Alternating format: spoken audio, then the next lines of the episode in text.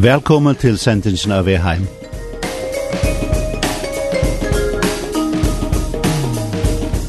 Og vi får vidtjen av Simon Absalonsen, som fer at vidtjer evne, tryggven ui einon postmodernon heime.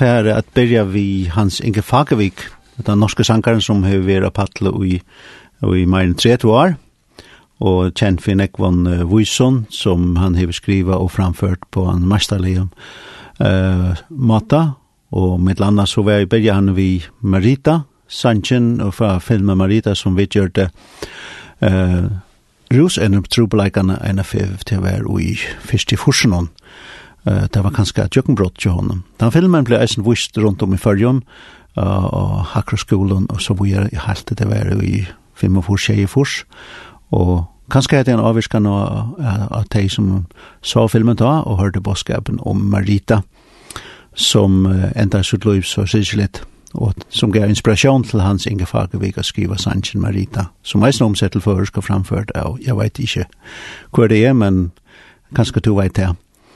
Vi får lust etter Hans Inge Fagervik her, og det er hennes sang.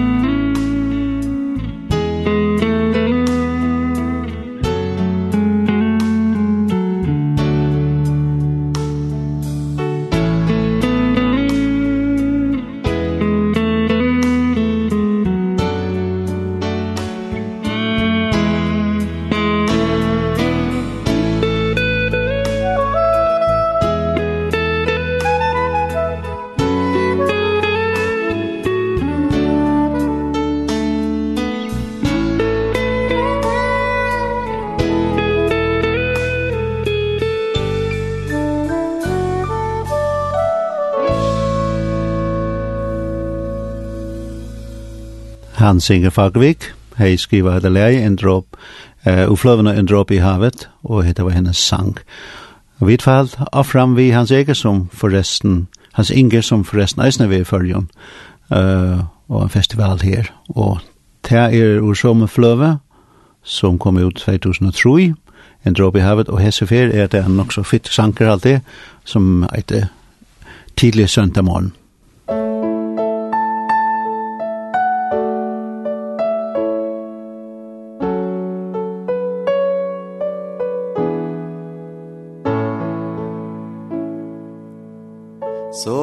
måtte jeg våkne opp Og kjenne at allting stemmer. Og merke at en sliten kropp Med hele seg er hjemme. Ligg og hør på stillheten som fyller hele rommet. Så godt det er å ha det sånn En tidlig søndagsmorgen. Så godt å dra gardina fra Imot ei sol som smiler. Og så gå barfot ut på plen Og kjenne gresset kile Og stå og høre at fuglan søng Og hils den nye dagen Så godt det er å ha det sånn söndagsmorgon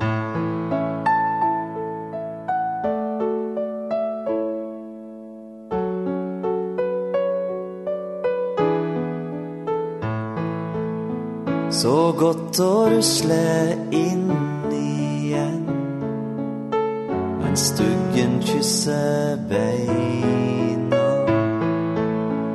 Og vite at jeg slipper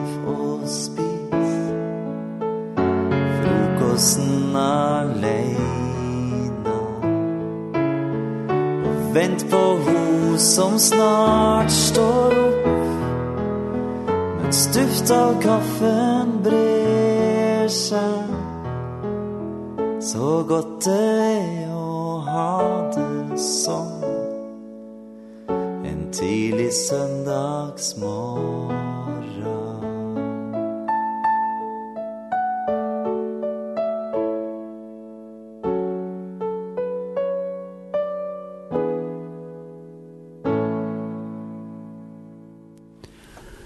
en tid til søndag morgen vi Hans Inge Fagervik.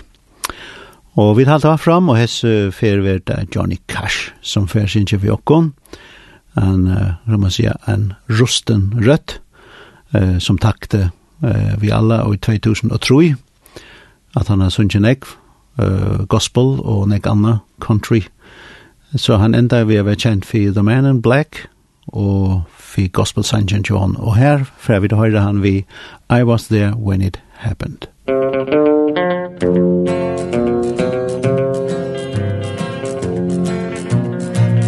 There are some people who say we cannot tell whether we are saved or whether all is well. They say we only can hope and trust that it is so.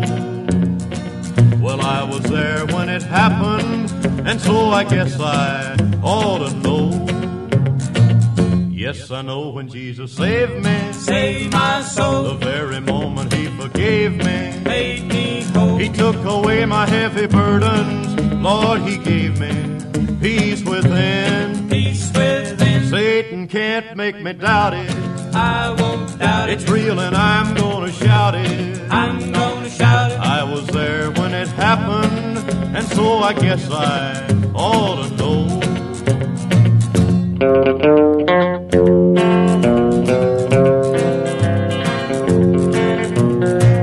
I don't care who tells me Salvation is not real. Though the world may argue that we cannot feel. The heavy burdens lifted and the vile sins go I was there when it happened and so I guess I ought to know.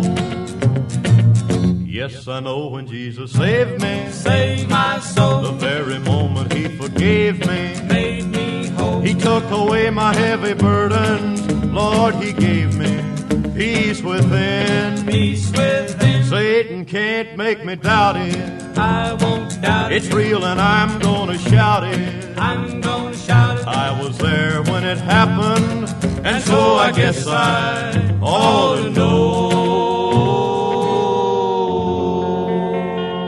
Johnny Cash sang for Jokon. I was there when it happened. Som sagt så takna Rødt Hansara, eh, og i 2003 da han får heim til herran. Og nå får vi spela eh, en som kanskje ikke så ofte har spalt her Linden, Kelly Villar, som er en fantastisk uh, rødt. Vi hørte for kanskje nek 25 år så igjen, eller mer enn det. Og ble beina, beina ved en bergtidje av røtten til henne. Inntil slitt synker hun her for åkken, You Lay Down Your Love. Musik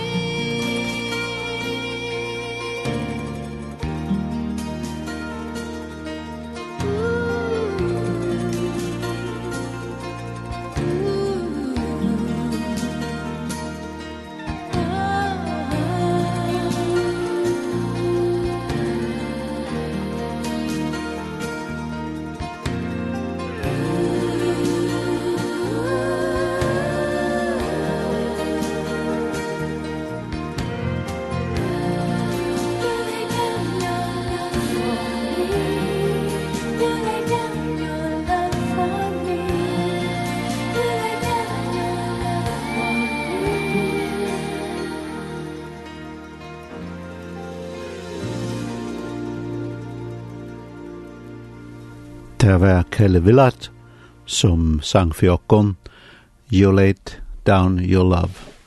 Intenslige rødt, det må man sige. Først og inn av heimasøyen tja med landa Ebenese, etla Livden, eller i vet det igjen, så, så er her at lesa at uh, Sumil Absonsen fra at uh, vidtjer evne, tryggven ui einon postmoderna uh, heime. Og nå er Sumil som kom her. Velkommen, Sumen. Ja, takk for det.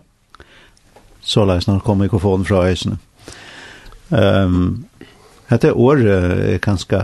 Uh, ja, postmodernisme er faktisk et er øyelig ringt begrep å definere pura klart. Men uh, samt det latinska så er det gosset et år som kommer atana, eller en tilstand som kommer atana til moderne.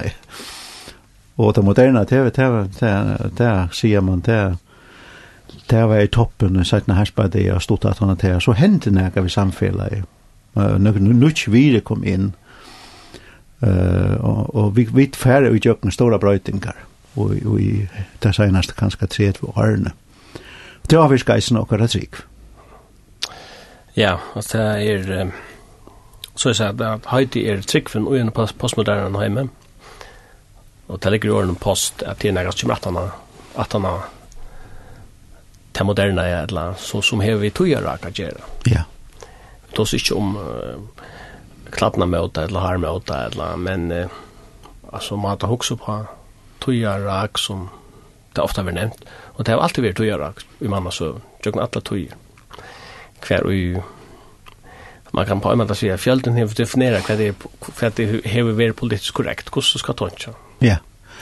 Och det har avviska djupt vi vi kjenner det Mm Og da vi ser den sanse, så hoksa kan folk mest om, om veker, bygningar, slotter og så, og resanse stoila. Eller målningar. Eller målningar, men det var jo meire enn en, det var jo meire enn bygningarna og målningarna. Det, det var jo maten men, menneske hoksa jo på. Ja, det Som avvirka i det.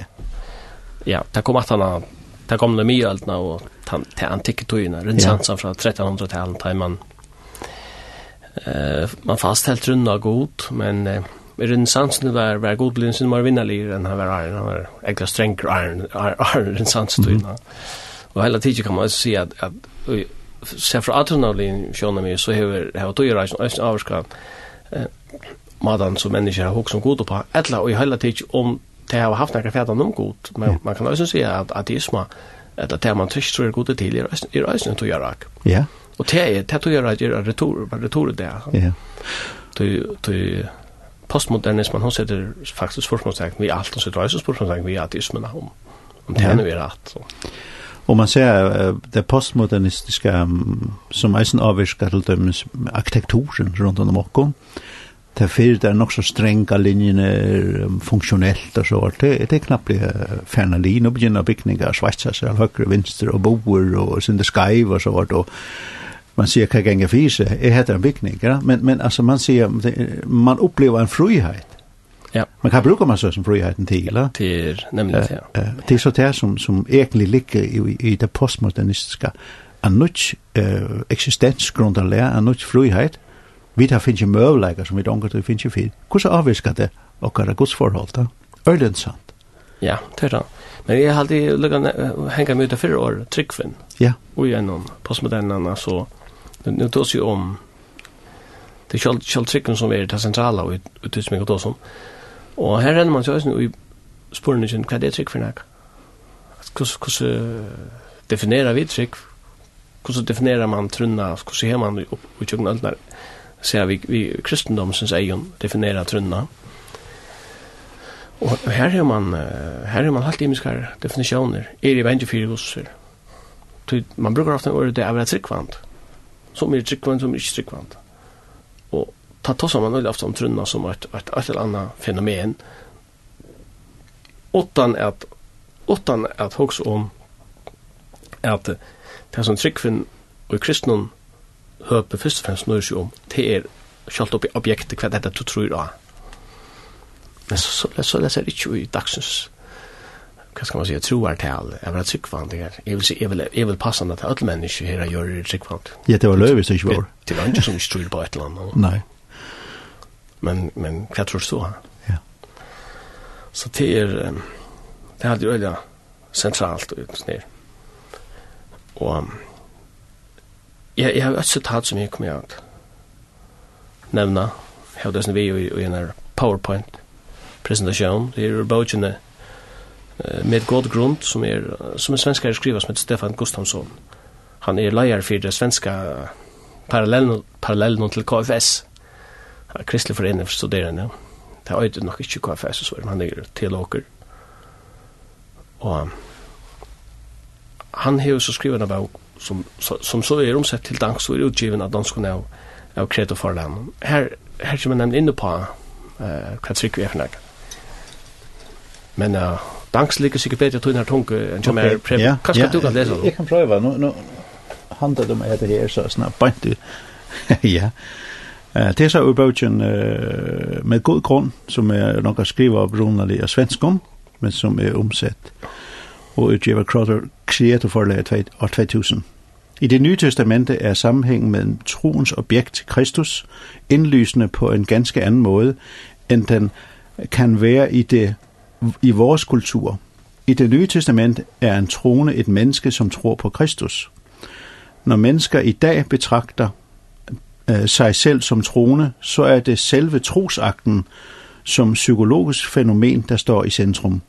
Hvad troen mere præcis retter sig imod, er som regel mere eller mindre underordnet. Derfor er det vigtigt for kristne at kommunikere, hvordan de er troende og hvad de tror på.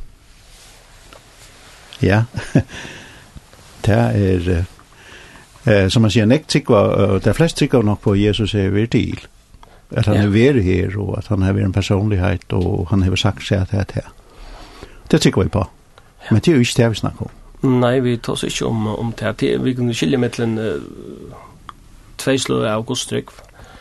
Hvis jeg kan lage mer å bruke hodtøysene A og B, hvis jeg sier A er eksistenstrykk, det merker at Og i daglig tal er trygg var god ofta omtala som eksistenstrygg, til seg teisma etla trygg oppa er god er til. Så leit jeg trett her, hetta sleg jeg trygg for vi med i Bibelen, heldig tvarstum out.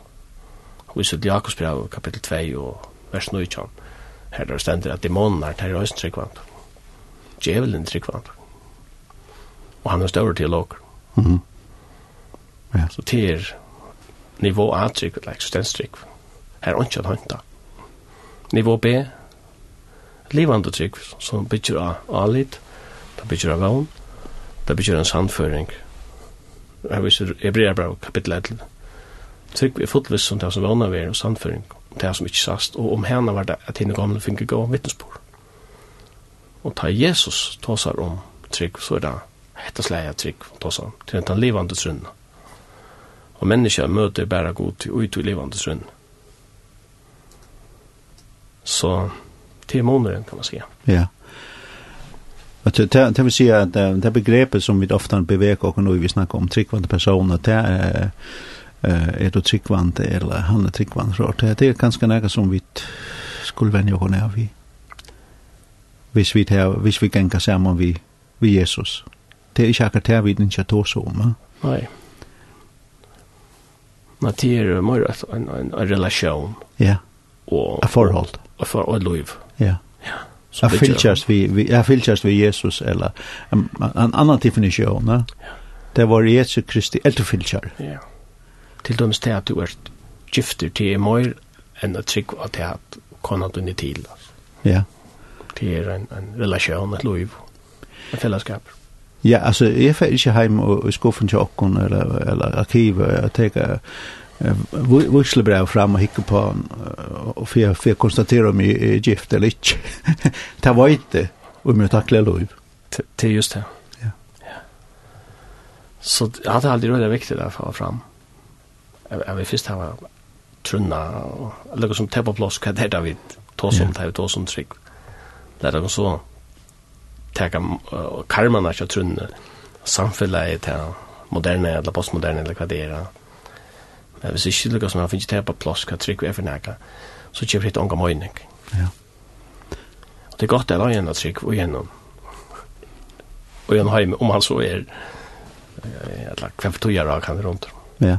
ja det, det er fantastisk det er det er mitt liv og det til min vittnesbordreisen jeg kunne kvile jo alle det at, at at vi trunner Jesus så har vi et, et livande samband vi goda. Så jeg kom igjen i at uh, for jeg synes ikke noen tog av reitjen som jeg har vært og et løms opp i mye alt nå. Hvordan det har avvirka uh, filosofiene, hvordan det har avvirka akkurat fætene av av søve og åkken sjølven og eisne naturvisund og atrona. Jeg vet ikke om hvordan jeg kjenner til begrepet aksiomer, altså grundsangleikar, grunnsetningar som man bara teker som giv utan att också mer runt utan att näka plus prekva präkva. Det är just det som är ekki känner kvar av nek tujar ak, at som till dem eh upplösningar tojen och rationalismen fra 1600-talen, alltså tappa på att som givs är god väslig stil och att det är vi lever i materiella rever och det här vi fyra halvt och kom till och og allt det som händer hever, hever materiella orsaker. Ja, det som vi kan förklara, det som vi kan forklare god, så så som man han? Ja. Alltså så enkelt faktiskt är det. Eller är det vi skulle forklare han, så är ju till. Nej. Och det ska ju en god fröjna. Ja. Och til just i hessen miljøen och att han så kallar liberal teologien uppstod. Ja. Och hon är vi faktiskt tjøkken og sörka alla god fröjna i Västerhamn och där så skal man jo tilpasse skriften til sin uppfattning. Ja, og det är helt enkelt att säga till att att alla kyrkor i Västsverige där det skal alltid omar. Her skal, hva skal man färra til hvis, uh, Hvis man ikke skal trykke på at det er en god som åpenberes. Ja. Det er rart som, som vi kallar post, postmodernisme. Um, Fører vel kanskje menneske i nettopp en, en, en langsel etter et, et, et, et, et, et, et, nega er det nega annar spurning, er det nega annar enn meir enn dette her som, som er beskjeftig med nek med det materiella. Finns det nega utanfyr det her? Ja, så vil si at Postman hon opererar vi nekvon, uh, nekvon uh, utgangspunkten, eller sentrum, hvis man kan sija, uh, nekvon samlaikon, vi kan seg jo. Altså, det som er satt for det, er satt for det, og det blir som så ikke være satt for meg, man opererar samlaikon, nekvon plan, det blir et øyelig mjørska snakk, Alltså. Men det som jag känner postmodernismen är man man är nog där existensen eller tron på att det finns absoluta samverkan. Så hvis du i för en modernist säger att det är ett trick för av Jesus och och och, och allt det han betyder för det så vill modernisten typiskt avvista som nonsens till hatt det er innbildningar, hatt det metafysikker, og, og vi fyrer halvt okkur til, uh, til, til det rationella, til, til det logiska, og det som ikke, det som ikke kunne enda med å forklare at det er bare stil. Mm. Så vil det modernistiske menneska uh, gjerne hoksa, eller reagera. Men det postmoderne er, det har nok sagt vitt, ja, men altså, hvis du virkelig har funnet fri og i, og i trunnen, og funnet noe verduer i hasen her, og, og, og eh hevur frí ut tøy men assur er virkelig gott i og er under der der ikkje lukk við tog og og gott om det. Ja. Men hvis du venter der til ta pass mot den skal menneske og spyr om ikkje til på for Jeg er ikke også nægget for det, så vil jeg si. Jeg skal regne å finne min sannlegg. Du får tog inn til funnet. Ja. Så man kan godt si at, at hvis du presenterer Jesus som en sannlegg, så vil passe med det hvis man gav til det her, men hvis du oppfatter han et eller borrar vi honom som sandlagan, vever inn og løyve, så vil det ikke vel med å tykke. Du tar her då samståndes utstånd, er sannløygar, det kan være eh, Marx, eller Buddha, eller Mohammed, eller jeg vet ikke, you name it. så, så er problemet her. Hvis du stort skulle sagt, um, Simon, hvor er det, hvor er det viktigt eller hver årsøkning til at det er viktig for okkon at vi er bevisst om at vi er i en annan tuja rak enn det moderne, enn i en postmodernisk. Vi har det tøytning for okkon, at vi er bevisst om det. Jeg har alltid høyt tøytning, du.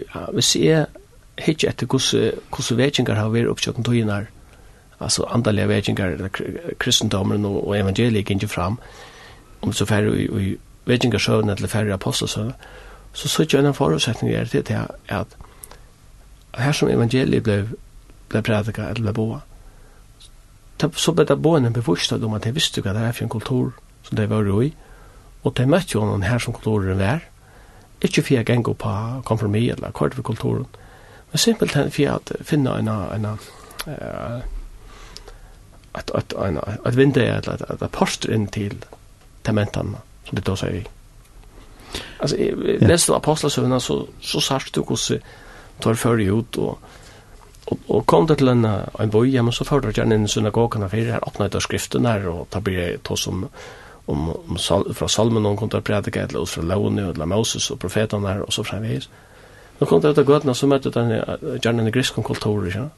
Och här förde jag det upp vi vi, vi citat ur kanon ur bibeln eller gamla testamentet sån där. Mm Ja, jeg tog som den leser apostelsøren kapittel 16, når Paulus stender i Aten og helder en, en prætiker for Høysensmannen.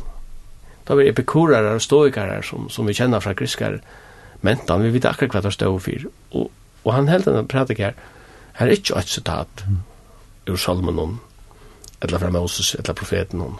Det er et sitat faktisk, han hever et, et ur en, en, en ischink, at, at og i gode som har skapt alt, og i hånden liv og røra seg, som, ok som akkurat skuld om tikkar har sagt. I stedet for å sitere uh, sina profeter og, og David eller Salomon, hvordan man det, så, så, så siterer han en, en griska nyrkjæra som faktisk levde i en 400 år år. Ja. Det, er det, er, ja? Det var ikke, det var ikke tog at han prædikar et annet evangelie her enn han prædikar. Men han kjente togina.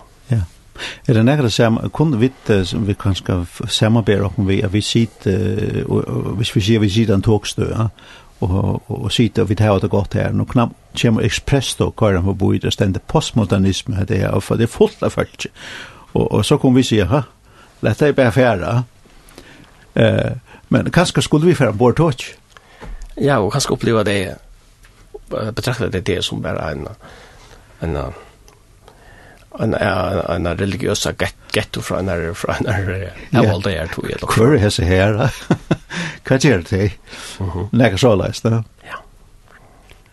Då man ser två är det ganska viktigt att att göra så klart att det är så vi lever mitt i en postmodernistiska tiden och vi switchar kusen av urslit av men men det är också verkligen grejt att det är viktigt att att göra så huxomest ting. Ja vil si at selv om det er negativt vi, vi postmodernisme, man kan, man kan si at nek, det er nekva grenser som, vera, vera, som vi delta var positive gauar, altså, også når det kommer til etikk og moral, altså ikke tog at, at, at postmodernismen og moral lever, altså, hun, hun går hardt på det her, at du skal ikke gjøre nästa dun när jag till känna men jag du själv innan att det låg sig? Det fri tog det just så det har ordan alltså det vill säga allt allt slä fra halt det här i vrånga tutning alltså känsligt eller kvätta nu är sånt till lugga mig just så inte du genera några andra så så lugga mig kost du lever då så till han ek så vart eh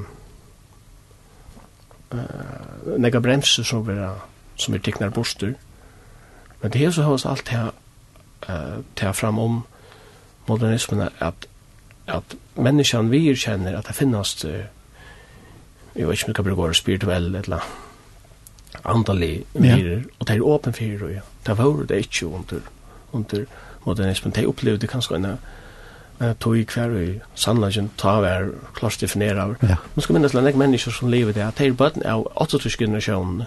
Ja. For eldre kjøttene var opprøst av folk fra, og tog gjerne på at at det som Marx skriver, han var Messias, kommunismen var svære, så såg seg nekko i Vestrøn og og, og fjersen. Absolut, ja. Og er videre, videre, og det der videre ødel at, at det systemet som nekko tilbøver, det gjør det er kanskje det som har vært den største håp, morderen som i nekko å eksistere.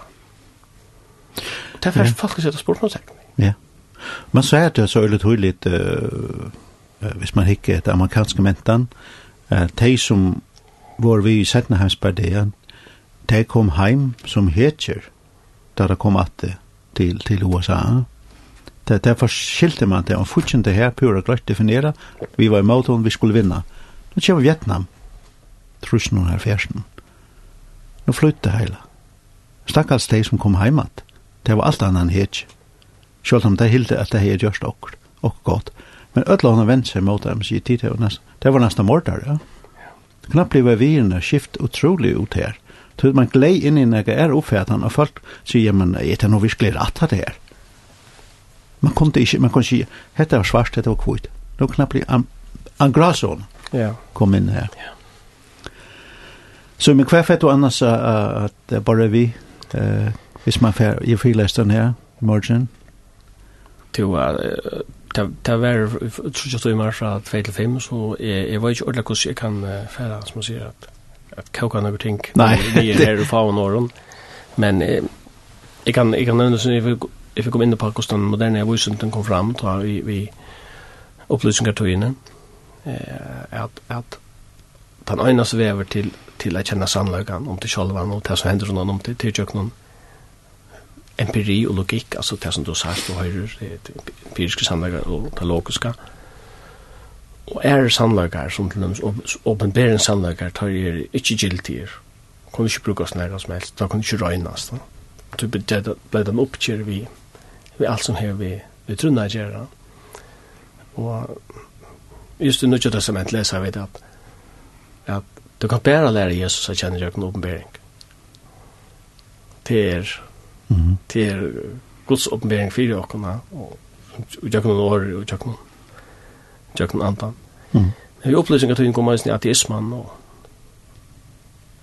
og det skal så løysa menneska fra godstrygg og ærar patrygg. Og vi fikk jeg vite til at vi da var bare tvær sanser til å lære sannleggene kjenne til Jøkken Antan. Eir og eir og til, og også Jøkken forstandig og vit. En, en filosofer som, opplysninger filosofer som, som David Hume, da han skotsk han er en av Immanuel Kant røsene. Men så tar jeg en av dem, så stiller han disse hypotesene fram, at natural lower kunne ikke bråtast. Det virker alltid. Det var premissa av et. Så sier han et ondur, til å bråt enn av natural low. Det er premissa tvei. Og så kommer nye stående. Tog han et ondur, ångan til henta til nyrstøva, og så nyrstøva drep. Så lets prekva jeg om at Jesus kan ikke være risen opp fra dem deg. Altså, hun kan fylja logikken. Ja, ja, ja. Og det er viktig å skilja uh, hvordan uh, man hoksa i, og så lets hoksa man i det stadig. Hvordan er en fjöld. Ja. Så kan man spela hver er, hver er, er, hver, hver det skal efter. Er det nye som skal, eller er det premissene som skal, er det det første, det nästa, så från er. Det var en avverst. Och jag tycker att det lär och skilja tog av liv. Så det är bara att ja. att lyda döm ur. Ja, att lyda plock. Ehm vi får lucka spela lär an an vi lucka eh för vad gör det? Eh Stephen Curtis Chapman han synger för oss här All About Love.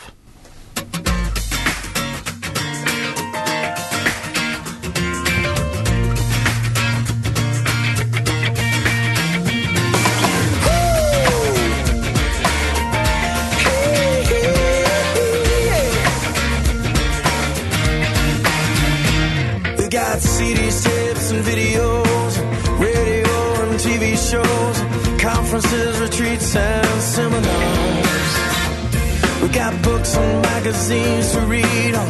Everything from A to Z and a web to surf. From any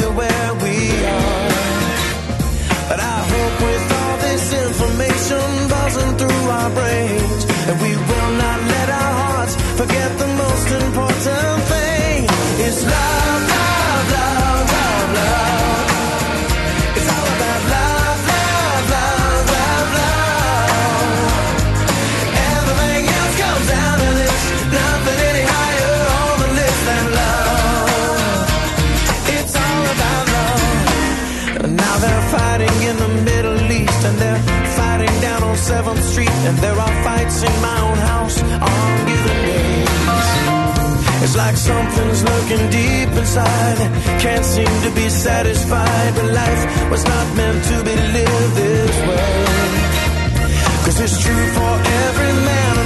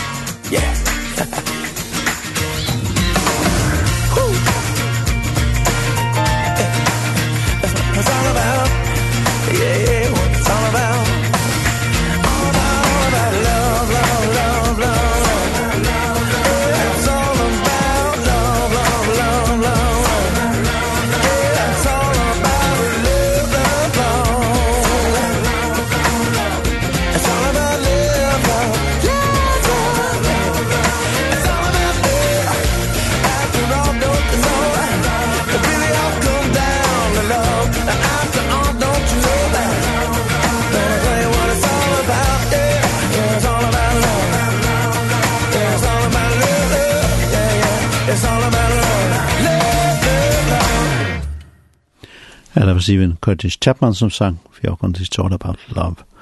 Og her i stoven kommer her vi Søyman Absalonsen, og vi tog seg om et sandaparskai som vi er i morgen i Ebenese klokken 14 til Seijan, Sejan, vi skulle si ødelig hjertelig velkommen.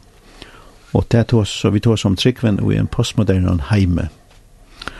Um, da vi tog om skriftene, så er man at, at ja. fæta det, det fæta, det fæta vi det trygg at vi leser skriften, men for å skilje det, så må, så må vi sette okkur annet til ila. Vi kan godt lese det som er bøkstav, og, og, og, men for det skal avvirke okkur, så må vi tryggva det.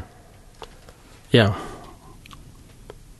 Årene som jeg har talat til tikkara er i ante og til loiv, sier Jesus.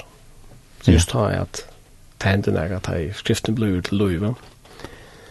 Uh, og i ljøs og tog inn og sutt i ljøs, stendur er nesten, i salmen 109 man kan sitta omtalar om tvei ljøs. Ja. Anna anna ljusen är det objektiva, det som alltid är her. Men så sier han så så inte ljus, nu blir det subjektivt og personligt. Ja. Nu så inte ljus och igen en ljøs. Ja, enkelt sier, så kan man si att hvis du läser uh, viten för jeg tenker borde på leseren, och det det blir bare server det blir som man vanlig chele bok som faktiskt ikke særlig avhåvert. Eh uh, i mån til det her, hvis du tar den opp og leser den, og knappt så føler du hette skriver til tog inn det. Altså ja. faktisk personlig brev til tog inn. Til månen og etter knappt det andans eie var åpna. Og hatt det egentlig er sånn en måte å si, ja, men hever hever hos andre eller hever ikke? Ja. Man kan se texter, tekster, tekster kan man balka opp i imiskar kategorier, men til søvelige tekster som, som vet ikke er noe søvelige fakta, frasøkner, om det som er hent. De ser evangeliene, de, de sier fra noen ting som hent. De sier krønnekebøkene, kongebøkene, og mønsebøkene for så vidt løsene. Så har man på poetisk tekst. Man har mynda, altså allegori, altså symbolikk. Jesus står seg i lukten, sånn, eller åpenberingen er oppgivende, eller hånden er en fortelling i teknon. Det stender på en høys. Og så er man lærer, man er profetier. Men jeg halte det at all oftast framgång det grøyt at det, det, det ligger implicit i teksten sjálv hver slæ av tekster vi, vi tar så.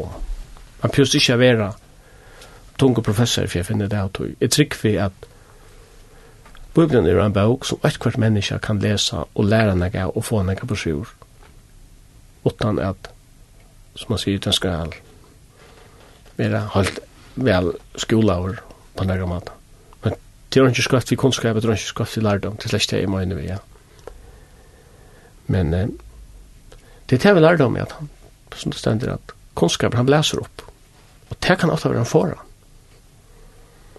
Det er ikke nekka gale vi godfrøyene som så, tvers imot. Men hun kan bli en foran. Ja. Og det er en fyrir som en menneske, tog i verre. Og tog jeg synes bedre at man ofte fra kristne så i hever så det er en affra la kyrkla vi er sin til reservera vi for, for teologien og godfrøyene tog man jo se sånn ekvar deier og stuivar formar og utog men det er ikke det er ikke kunnskapen seg selv men det er menneskans handfæring av kunnskapen som jeg er av så langt ikke menneskene er eimjøk for god og avans hva kunnskap det hever, hever oppnått kan bøtja seg for god si at det er alle tøyene avhenger av det her, så kos. Så så er det hever fram et, alle tøyene. Så jeg trykker meg i på ut bøyden, det er en så av, jeg trykker for tøy som stender her. Som er, er frasagt. Og det vil ha sagt, ja, men som er ting er i en poetisk form, men det kan stadigvæk være søva.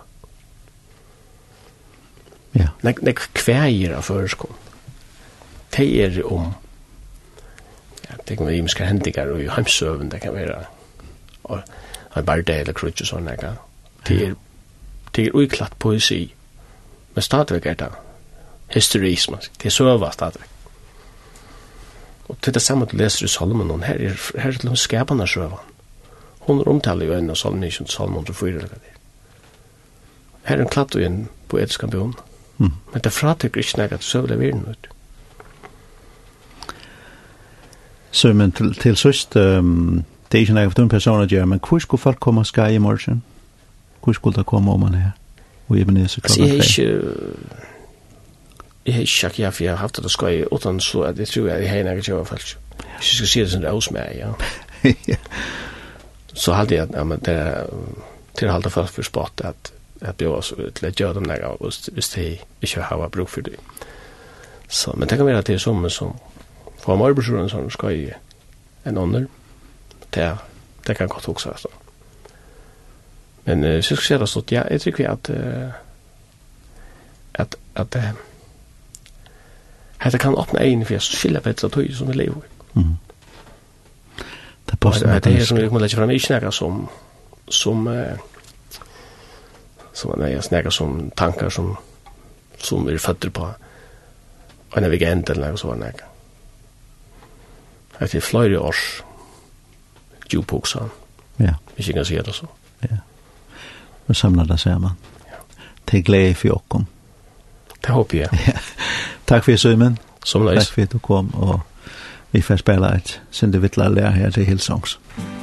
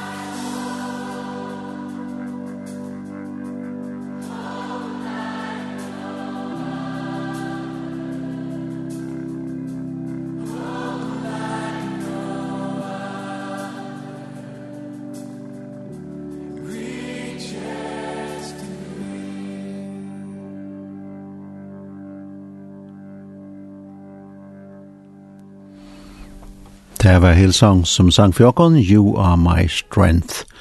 Og vi tar til Sumel Absalonsen her i studiet, og tog oss og synte om tryggven og i en postmodern og en heime. I halte det må vi si at det er det som vi tar til i det. Sendtisen her er enda sendt sundagen klokkan troi. Og vi får enda vi uh, Jars of Clay, vi Dead Man ur uh, CD-en fra 2006 som heter Songs of Hope. Så takk for meg, og hevda så godt.